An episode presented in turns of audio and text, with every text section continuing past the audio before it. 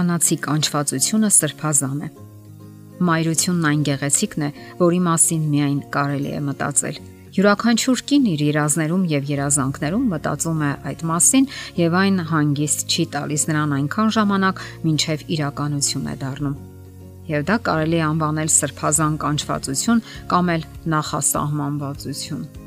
Սակայն շատերն են ամուսնանում, ցավոք, երբեք էլ չզգալով այն բացառիկ կարևորությունը, որ ունի ամուսնությունը թե անձնական եւ թե հասարակության կյանքում։ Առաջին հայացքից ամեն ինչ հեշտ ու པարզ է թվում։ Ամուսնանում ես, հղիանում, ծննդաբերում եւ վերջ։ Սակայն անհրաժեշտ է հաշվի նստել վիճակագրության անողոք փաստերի հետ, եւ որոնց իմացությունը շատ կարեւոր է ոչ միայն ամուսնությունը։ Շատ դեպքերում մայրությունը բախվում է հիմնախնդիրների ասենք ամենատարբեր հիվանդություններ, աղքատություն, բժշկական սպասարկման տարական մատչելիություն, հաշմանդամություն եւ ի վերջո մահեր։ Ահա թե ինչու մայրությունն այսօր պաշտպանության կարիք ունի եւ մասնագետներն աշխարի բոլոր ծայրերից մարդասիրության եւ օգնության, ինչպես նաեւ զգոնության կոչ են անում։ Այդ մարդասիրական գործի մեջ ներառված են առողջապահության համաշխարհային կազմակերպությունը, համաշխարհային բանկը, Միացյալ ազգերի կազմակերպության ՄԱԿ-ի բնակչության հիմնադրամը, ՅՈՒՆԻՍԵՖ մանկական կազմակերպությունը։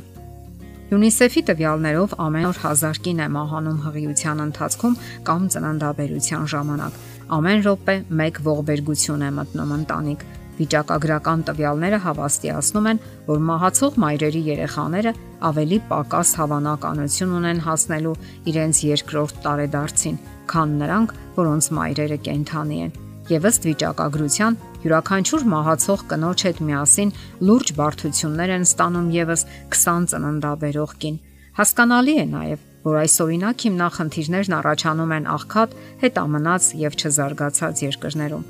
Այսպես օրինակ, յուրաքանչյուր տարի հղիության կամ ծննդաբերության ընթացքում մահացած կանանց 90%-ը բաժին է ընկնում Աֆրիկային կամ Ասիային։ Նրանց մեծ մասը մահանում է հետևյալ բարդություններից՝ առատ արյունահոսություն, վարակներ, ձգձգված արյունահոսություն, հղիության անժամանակ ընդհատման հետևանքներ եւ այլն։ Սակայն սրանք բոլորն էլ հետևանքներ են, այլ ոչ առաջնային հիվանդություններ։ Իսկ ընդհանուր առմամբ գոյություն ունեն բազմաթիվ արդյունավետ միջոցներ, եւ այսօր առաջատար կազմակերպությունները ջանքեր են անում իրավիճակը մեղմելու առումով։ Այդ միջոցները անհրաժեշտաբար ներառվում են նաև մարդու իրավունքների ոլորտ։ Բնականաբար մեծ դեր ունեն ամուսինները, պետական, հասարակական, միջազգային կառույցները եւ մայրական գրագիտությունն ընդհանրապես։ Մասնագետները նշում են, որ մեծ նշանակություն ունի համալիր միջոցառումների շարքը եւ այն իր մեջ ներառում է հետեւյալ ոլորտները։ Բոլոր կանանց պետք է հասանելի լինեն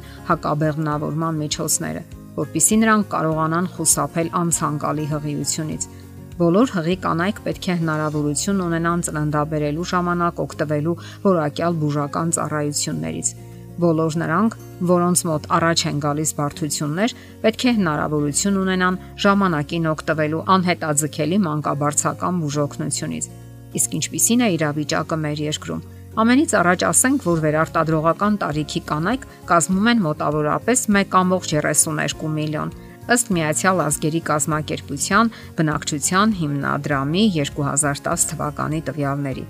Իսկ մայրական մահացության ցուցանիշը մեր երկրում գրեթե 5 անգամ բարձր է եվրոպական միջինից։ Սակայն 2010 թվականին Հայաստանում գրանցվել է մայրական մահացության դեպքերի թվի աննախադեպ կրճատում։ Միջինում 12-ից 15 մահերից այն իջել է մինչև 4-ի։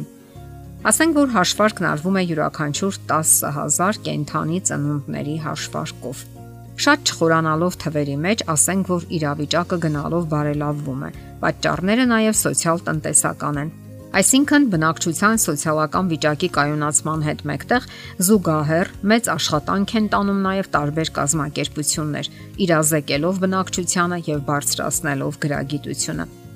Ավելացնենք, որ այսօր շատ կարևոր է նաև բնակչության իրազեկումն ու գրագիտության մակարդակի բարձրացումը, ամուսնացող զույգն ինքը պետք է կարևորի մայրության հսկայական պատասխանատվությունը կյանք մտնող նոր անznավորության հանդեպ։ Նրանք պետք է կարևորեն հղիության ողջ ընթացքը, սկսած ժամանակին բժշկական հսկողության տակ գտնվելուց մինչև իրենց ողջ ապրելակերպը։ Դա վերաբերում է թե հոգեկան, հուզական անվտանգությանը, թե սննդակարգին, թե միջանձնային հարաբերություններին։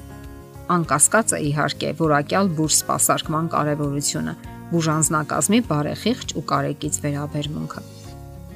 Խոսելով անվտանգ մայրության մասին, հնարավոր չէ չխոսել նաև հղիության անժամանակ ընդհատման մասին մայրությունից այդ կերպ ազատվելու այս վայրագ եղանակը դեռևս կիրառելի է հասարակության մեջ եւ առանձնակի པարսավանքի չի էլ արժանանում, սակայն դա ընդունելի եղանակ չէ թե բարոյական եւ թե հասարակական առումով։ Հղիությունից պաշտպանվելու բազմաթիվ քաղաքակիրթ եղանակներ կան։ Սոցիալական հնչեղությունից բացի գոյություն ունի նաև հարցի հոգեբանական կողմը, Բոլոր կանայք էլ մեղավորության զգացում են ունենում, հոգեբանական լուրջ ցնցում են ապրում։ Սոցիալական հարցումների ժամանակ նրանց համարյա 30%-ը զղջացել է կատարվածի համար։ Մենք արդեն նշել ենք, որ բոլոր կանանց պետք է հասանելի լինեն հակաբեղմնավորման միջոցները, որpիսի նրանք կարողանան խուսափել անցանկալի հղիությունից։ Եվ դարձյալ նշում ենք, անհրաժեշտ է բարձրացնել գրագիտության մակարդակը բնակչության շրջանում։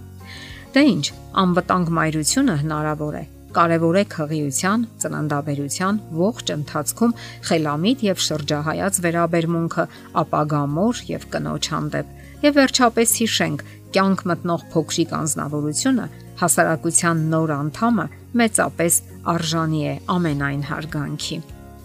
Եթերում ընտանիք հաղորդաշարներ։ Ձեզ հետ է Գեղեցիկ Մարտիրոսյանը։ Հարցերի եւ առաջարկությունների համար զանգահարել 033 87 87 87 հեռախոսահամարով։